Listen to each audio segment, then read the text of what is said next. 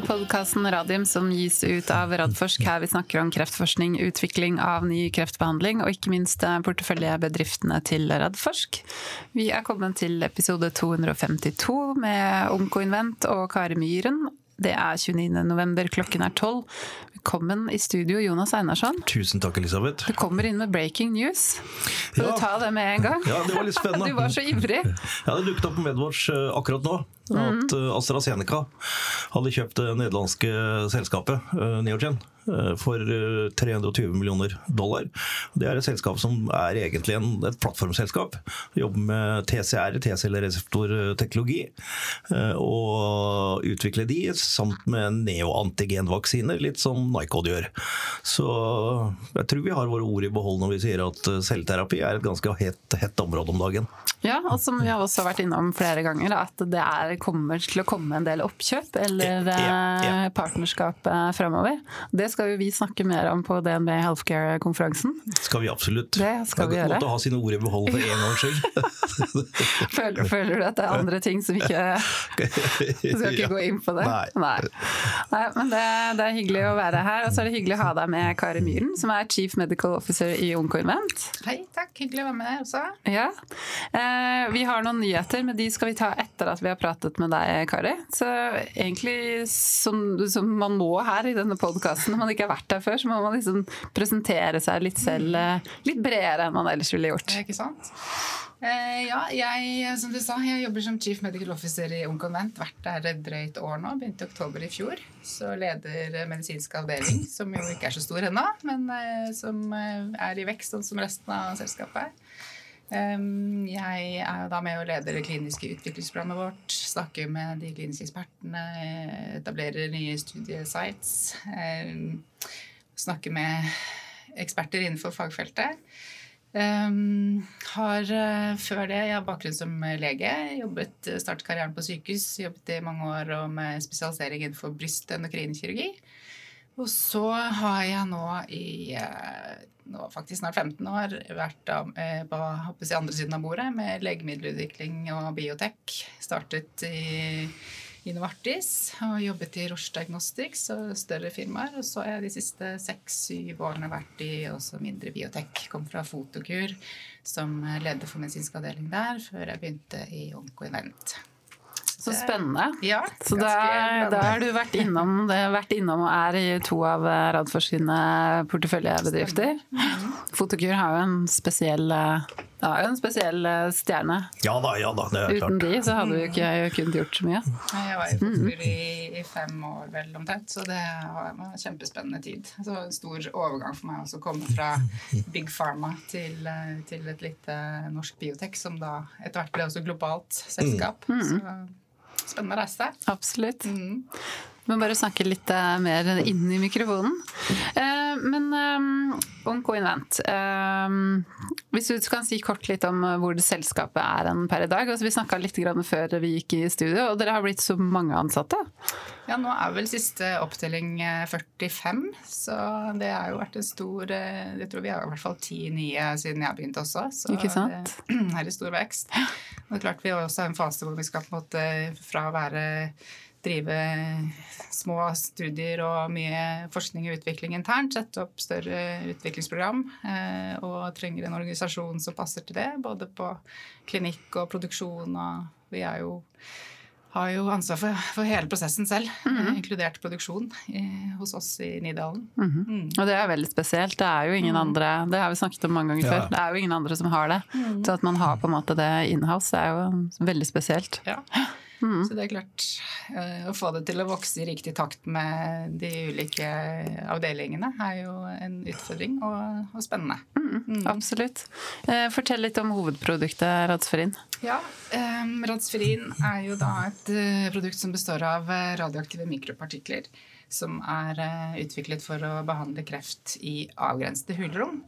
Eh, det består av eh, radium-224, eh, som da er en såkalt alfa-emitter. Som betyr at når det omdannes, så eh, gir det fra seg alfastråling. Og det som er spesielt med alfastråling, er at det gir eh, veldig høy energi, og men med veldig kort rekkevidde. Så det gir et veldig kraftig celledrap, men med veldig eh, liten sannsynlighet for å skade omliggende vev. Så, og det utviklingsrammet utviklingsprogrammet som pågår nå, så ser vi på behandling av meralsferin Radsferin i uh, bukhulen. Og det gis da til pasienter med, uh, som har spredning til bukhulen enten fra eggstokkreft eller tykktarmskreft. Og disse pasientene blir jo da først operert, sånn at man fjerner alt synlig, synlig vev og alt synlig tumorvev i, i, buken. Og så setter man inn Radsferin en dag eller to etterpå. Um, Tanken bak det er jo da at disse pasientene har små mikrometastaser og små cluster av celler som man ikke kan se, men som man da får behandlet eh, med Radsferin. Sånn at det forhindrer eller forsinker eh, tilbakefall eller progresjon av sykdommen. Mm. Mm. For det er jo nettopp disse metastasene som man dør av, ikke sant. Det, det er jo det som er så fælt. Det, det vi får også bekreftet fra mye av de samtalene som vi har med, med klinikerne, er jo også det at særlig disse eh, metastasene i bukhulen er vanskelig å få kontroll på. Mm. Det er ikke noe bagatell å få, få, spredning i lever og lunge heller, men der har man i større grad eh, kjemoterapi og andre, andre virkemidler da, til å mm. behandle dem. Så, og Radsferin er også da eh, Disse mikropartiklene bruker man da for å holde på behandlingen eh, i bukhulen, sånn at den i minst mulig grad kommer over i, i systemet i sirkulasjon, og at man da har mest mulig kontroll på hvor strålingen eh, eh treffer. Og også at man får en god fordeling rundt i, rundt i bukhulen. Mm. Mm. Og dere har jo gjennomført eh, fase 1-studier. Altså, hva viser dataene der, de som dere har hatt mm. Eh, mulighet til å publisere? Ja, Ta, vi har jo to studier eh, som pågår. En i, i tykktarmskreft og en i eggstokkreft. Eh, og for å ta eh, den i tykktarmskreft eh, først, så har vi jo der eh, ferdigstilt den første delen, fase 1-delen av den studien. der presenterte vi de første preliminære safety-dataene på ASKO tidligere i år. Um, her, eh, da var det jo på en måte erfaring med de første dagene etter behandlingen som ble presentert. Um, og hvor det er det jo først og fremst sikkerhet som, uh, som er viktig. Og man fant jo at, uh, at Radsferin var godt tolerert. Hadde ingen sånn dosebegrensende toksisitet. ingen alvorlige bivirkninger som er rapportert som er forventet, eller som er rapportert å være relatert til Radsferin. Og heller ingen nye, uventede hendelser eh, annet enn det man forventer å se etter en, etter en operasjon. Klart Pasienten har vært gjennom et stort kirurgisk inngrep først også, så det er, jo, det er jo viktig å passe på sikkerheten. Um, så har vi også sett på dette som er sagt med distribusjon i bukhulen, hvor man tar bilder eh, etter, eh, etter behandlingen for å se på hvordan transferin er eh, distribuert. Og det ser ut til å være en god fordeling i bukhulen. Eh, som jo indikerer at man på en måte kommer til å behandle de områdene man ønsker å behandle. Eh, og så er det også interessant at, eh, at radium 224 har en eh, halveringstid på 3,6 dager. Eh, og man ser også på disse bildene at, som vi har tatt av eh, både første dag etter behandling og så etter to og seks dager etter behandling, at den effekten vedvarer. Så at selv om du da behandler med en enkel dosering, så får man effekt i kanskje mer enn en uke. Så mm. det syns jeg er veldig positivt. Så jeg syns tenker på en del noe av det som også gjøres i disse pasientene, er jo at man gir gjentatte kjemoterapibehandlinger, f.eks. Mm. Hvor du må sette det daglig med ganske mye plager for pasientene. Så det er jo selvfølgelig en fordel hvis man kan også bare gi en engangsbehandling. Mm. Um, og så um, ja. Så har vi jo det er det som er publisert til nå. Men mm vi har jo en uh, hel rekke andre publikasjoner og spennende planer selvfølgelig også med det. Uh, tilknyttet til det. Vi gikk akkurat gjennom publikasjonsprogrammet vårt og syntes det så ganske imponerende ut selv. så bra. ja, så det blir et travelt uh, år, og det er fint. Um, vi har også gjort det som kalles for normalvevsdosimetri. altså Man ser på hvordan strålingen påvirker organene i kroppen. Så det kommer vi til å publisere data fra. Um, også nå på nyåret kommer det en studie som um, har sett mer på målinger rundt pasienten og helsepersonell på, for å se om det er noen spesielle strålevernshensyn som man trenger å ta. som selvfølgelig også er viktig for den praktiske gjennomføringen. Mm. Um, og så er det jo ikke minst spennende at nå har vi faktisk av de, i korrektalstudiepasientene Så av de første 23 pasientene som var i denne fase 1-delen, så har jo alle disse pasientene vært inne nå i 12 måneder. Eh, og nå i desember så har vi 15 måneder, har alle vært i studien i 15 måneder. Så vi, selv om det er jo selvfølgelig safety som er på en måte hovedfokuset med fase 1-studien, så følger vi jo veldig spent med på også når det gjelder eh, tilbakefallsraten hos disse pasientene. Så, eh, og det man forventer, da kan det si, ut fra det man vet av publisert litteratur, og det som er kjent fra denne pasientpopulasjonen, det er at eh, median progresjonsfri overlevelse er rundt tolv måneder. Mm. Så det betyr jo at nå etter tolv måneder så bør jo da i prinsipp 50% av pasientene ha tilbakefall.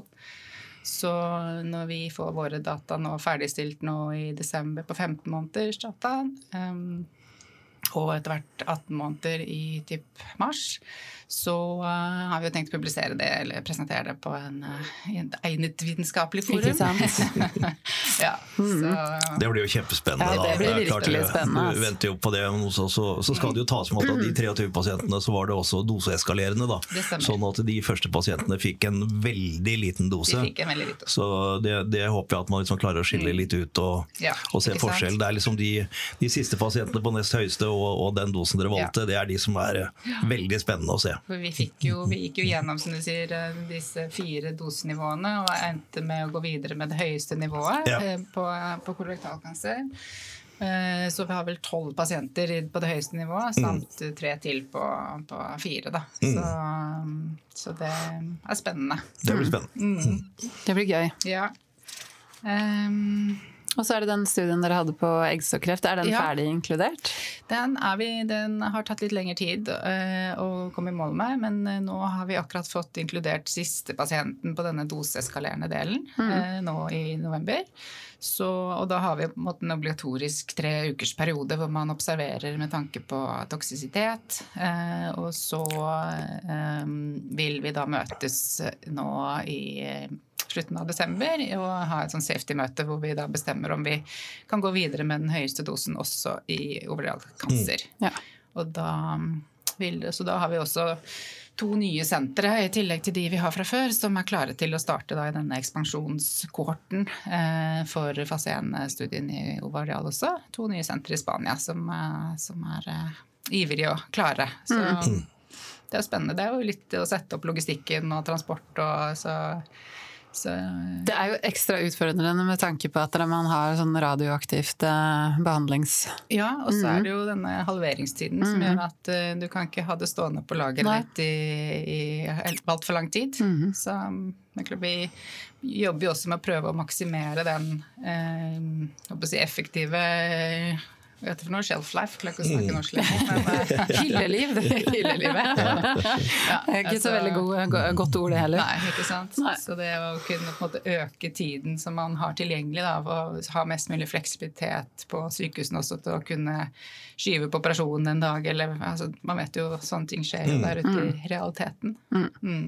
Så vi ønsker jo tilpasse oss virkeligheten i størst mulig grad. Ja, mm. det er viktig. Mm. Mm. Og så er dere jo i gang med en eh, fase to-studie som da går på her på Radiumhospitalet og i mm. Uppsala. Si litt om den. Ja. Vi søkte jo om og fikk godkjenning for å utvide denne fase 1-studien til en såkalt fase 2A-del eh, på kollektalkancer. Eh, for å inkludere flere pasienter på denne høyeste dosen. For å både få mer langtidsdata på sikkerhet og også selvfølgelig for å se på, på effekt. Eh, her startet vi inklusjon av de første pasientene til den delen nå i august. Um, og det har gått veldig bra. Vi har, som du nevnte, to uh, sites som aktivt rekrutterer det. Her på Radiumhospitalet er det jo Nasjonal kompetansesenter som det eneste i Norge som behandler denne, akkurat denne typen uh, pasienter. Eh, og I tillegg så har vi jo da eh, samarbeid med Akademiske sykehus i Uppsala, som er et av fire slike sentre i Sverige som behandler disse pasientene. Og begge disse sentrene er godt i gang og veldig flinke og ivrige studiesites, eh, hele studieteamet. Det er jo veldig tett samarbeid med både kirurger, nukleærmedisiner, studiesykepleiere. Så det er jo litt logistikk som skal være på plass. Så der går inklusjonen etter planen, og vi håper eh, å være ferdig mot sommeren. Eh, med de rundt 30 pasientene ekstra som kommer til deg. Så da har vi jo, når det er på plass, så har vi jo da eh, mer enn 50 pasienter som har fått en mm. behandling med radsferin for den mm. indikasjonen. Så det begynner jo å bli litt. Mm. Det gjør jo det. Hva er da planene videre? Tenker man å sette opp en randomisert eh, studie? Ja, så det som eh, Med de lovende resultatene som vi vel kan si at vi har sett i nå, så håper vi jo Planen er å gå videre med utvikling innenfor begge indikasjonene. Både eggstokkreft og kolorektal kreft. Eh, så nå tidlig på nyåret så kommer vi til å sende inn forespørsel eh, både til europeiske og amerikanske legemiddelmyndigheter og diskutere forslag til utviklingsprogram med dem. Eh, og få aksept for studiedesign og alt dette. Og målet er å sette opp en, kontrollert randomisert studie i begge disse pasientpopulasjonene. Og med da de innspillene som vi får, og få satt opp eh, studiesites, så håper vi å være i gang med inklusjon mot slutten av året. Ja. 2023. Mm. Det blir spennende, da. Ja, det er jo et veldig sånn stort uh, hopp i utviklingen i et selskap. Absolutt. Så, ja. mm. Men da dere også, kommer dere også til å åpne sites i USA, da? Ja, det er planen. Ja. Mm. Så det jobber vi jo mye med nå, å få mm. på plass. Eh, jeg syns det har vært utrolig positive positiv respons fra alle vi har vært i kontakt med, må jeg si. Så, og det illustrerer igjen behovet for eh, å ha noe ekstra verktøy i kassen for å, for å noe ekstra tilby pasientene. Mm. Så jeg syns jeg har fått uh, utrolig uh, positive tilbakemeldinger fra, fra nærmest alle vi har snakket med. Mm. Så. Kan du si noe mer om antall pasienter og sånn, eller er det sånn dere tar i dialog med FDA og EMEA ikke først? Sant? Så vi, vi, har jo noen eh, interne styrebeslutninger og, som vi skal ta, og så kommer vi til å diskutere det med, med myndighetene og ja. tilpasse etter det. Så da får vi høre om det til neste år. Ikke sant? Ja. Det blir spennende år neste år, da. Ja, det er et stort uh, år for oss. Mm. Så det er krevende og spennende. Mm. Eh, dere har jo også ting under utvikling eh, preklinisk. Kan du si noe om det, eller er det liksom såpass eh, tidlig enda at Ja, ikke sant. Eh, det er jo ganske tidlig fortsatt. Men og vi har jo da to lovende antistoffer, OI1 og OI3, som er under utvikling. Og det vi jobber med, er jo på en måte å se på det beste utviklingsløpet for disse produktene. Eh, og da med tanke på å utvikle dem innenfor eh, targeted eh, radioterapi. Um, og så i løpet av 2022 så har jo bl.a. noe av det som har vært gjort, er å jobbe med humanisering av disse antistoffene for å bruke det i det videre, videre trykksprogrammene. Um, og så kan jeg vel bare kort si at vi har mye spennende data som vi også forventer å kunne publisere nå i løpet av 2023, også innenfor disse prekliniske kandidatene. Ja. Så der også kommer det blir, kommer til å bli en ganske tett eh, newsflow fra dere neste ja, år, høres det ut som. Ja. Så bra. Keep you busy. Ja. Eh, sånn mileplansmessig, hva er det man skal følge med på? Ja, jeg tenker jo punkt én, vi skal jo få komplettert eh, rekruttering på disse pågående studiene. Og selvfølgelig 15 og 12 måneders overlevelsesdata for kolorektalkancerpasientene som vi vil publisere. Eh, har jo vært inne på en del andre spennende publikasjoner som vi har i vente også, eh, også innenfor preklinikk. Um, og I tillegg så jobber vi jo med videreutvikling av produksjonsprosessene for Adsferin, for at det også skal tilpasses uh, dette heftige programmet som vi mm. ser for oss videre. Mm. Ja og sørge for at vi har finansiering til å gjennomføre det. Ja, mm. det må man også ha. Det er mm. viktig. Eh, sånn, eh, altså, du har jo vært med å gründe dette mm. selskapet sammen med Roy Larsen og Even Bruland. Eh, Åssen er det å høre dette her? Nei, Det er jo kjempespennende. Jeg var jo med fra begynnelsen og satt i styret i Konvent fram til i, i fjor. Mm. Uh, det har vært veldig spennende å følge, og spesielt dette med å bygge opp den egne produksjonsdelen der. Det var, var relativt dristig når vi, når vi satsa såpass mye penger på å, gjøre det. Men vi ser jo nå hvor viktig det er å ha kontroll på CMC-en sin og ikke ha tredjepartsrisiko.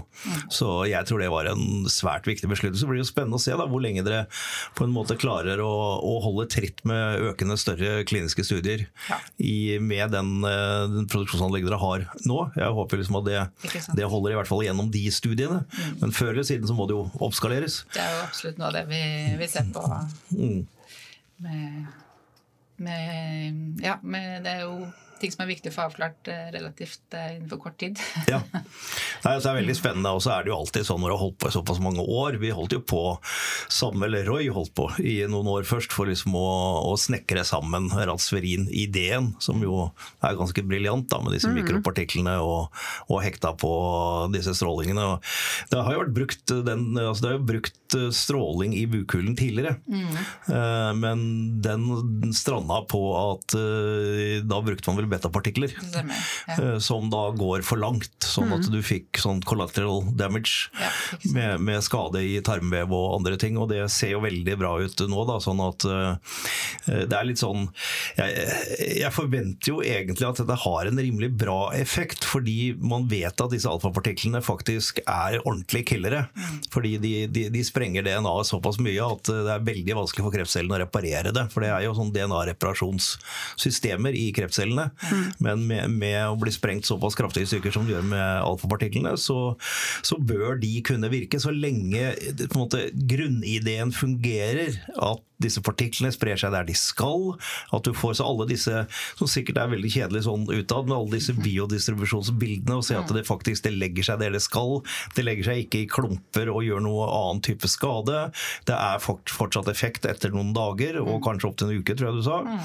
Det er ganske spennende. Da, det, da bør det virke, men hvor godt det virker, det må vi gjøre på de kliniske dataene til å se. Ja, ikke sant. vi kommer jo også til eh, i løpet av året, så blir det jo, Vi jobber jo tett med Radiumhospitalet, som du sa. og De har jo også et stort kontrollmateriale som de også kommer til å eh, gjøre opp data på. De har jo allerede publisert for eh, en del av dette materialet, men også kommer vi til å finne som en start. Da, finne matchete kontrollgrupper også, ja. så at man kan se enda Klart, Nå har vi jo ikke en kontrollgruppe, så det er vanskelig å være for uh, bastant i sine, mm. i sine uh, for noe, Konklusjoner. påstander om, om effekt. Ja. Men uh, det, det, er klart at det er jo ganske godt dokumentert også hvordan det går med disse uten, uten behandling. Så. Ja, det er faktisk litt sånn real world evidence å bruke det her. Mm. Man må gjøre en randomisert studie, det er, det er, jeg helt sikker på. Men samtidig så vil jo kontrollgruppene her være pasienter med samme diagnose, mm. med samme stadie, som er operert av de samme kirurgene på det samme sykehuset og fått den samme behandlingen. Ja. Da er du ganske nærme en randomisert kontrollgruppe, ja. selv om du ikke Du får ikke lov til å si det, men du er ganske nærme. ja.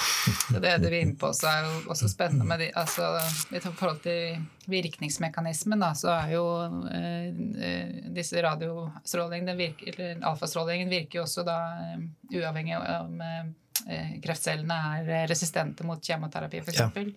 Og mange av disse pasientene har jo vært gjennom mange runder med ja. behandling allerede, og, og, det er jo et stort problem med resistens. Så det er også en, en stor fordel da, som man kan tenke seg kan være av den behandlingen. Absolutt. Det er spennende. Mm. De gleder oss til neste år og masse nyheter eh, fra dere. Utrolig hyggelig å ha deg i studio, Kari. Tusen takk for at du kom. Veldig ja. hyggelig å være her. Får du hilse tilbake til eh, kontoret? Det skal jeg gjøre. Mm, takk. Flott, da. Yes, da skal vi ta nyhetene i dag, Einarsson. Eh, vi har hatt både Q3-presentasjon fra Nycode og PCI, og så mm. har jo Nordic Nanovektor hatt en webkast. Det er det vi skal prate oss gjennom. skal vi begynne med Nycode? Ja. Eh, de har jo levert et solid eh, kvartal, og de har kommet med mye data. Ja. Eh, nå er de 153 ansatte, hvis jeg husker riktig mm. fra, fra presentasjonen. Jeg tenker altså Topline er vel da de ulike programmene deres, altså koronavaksinene.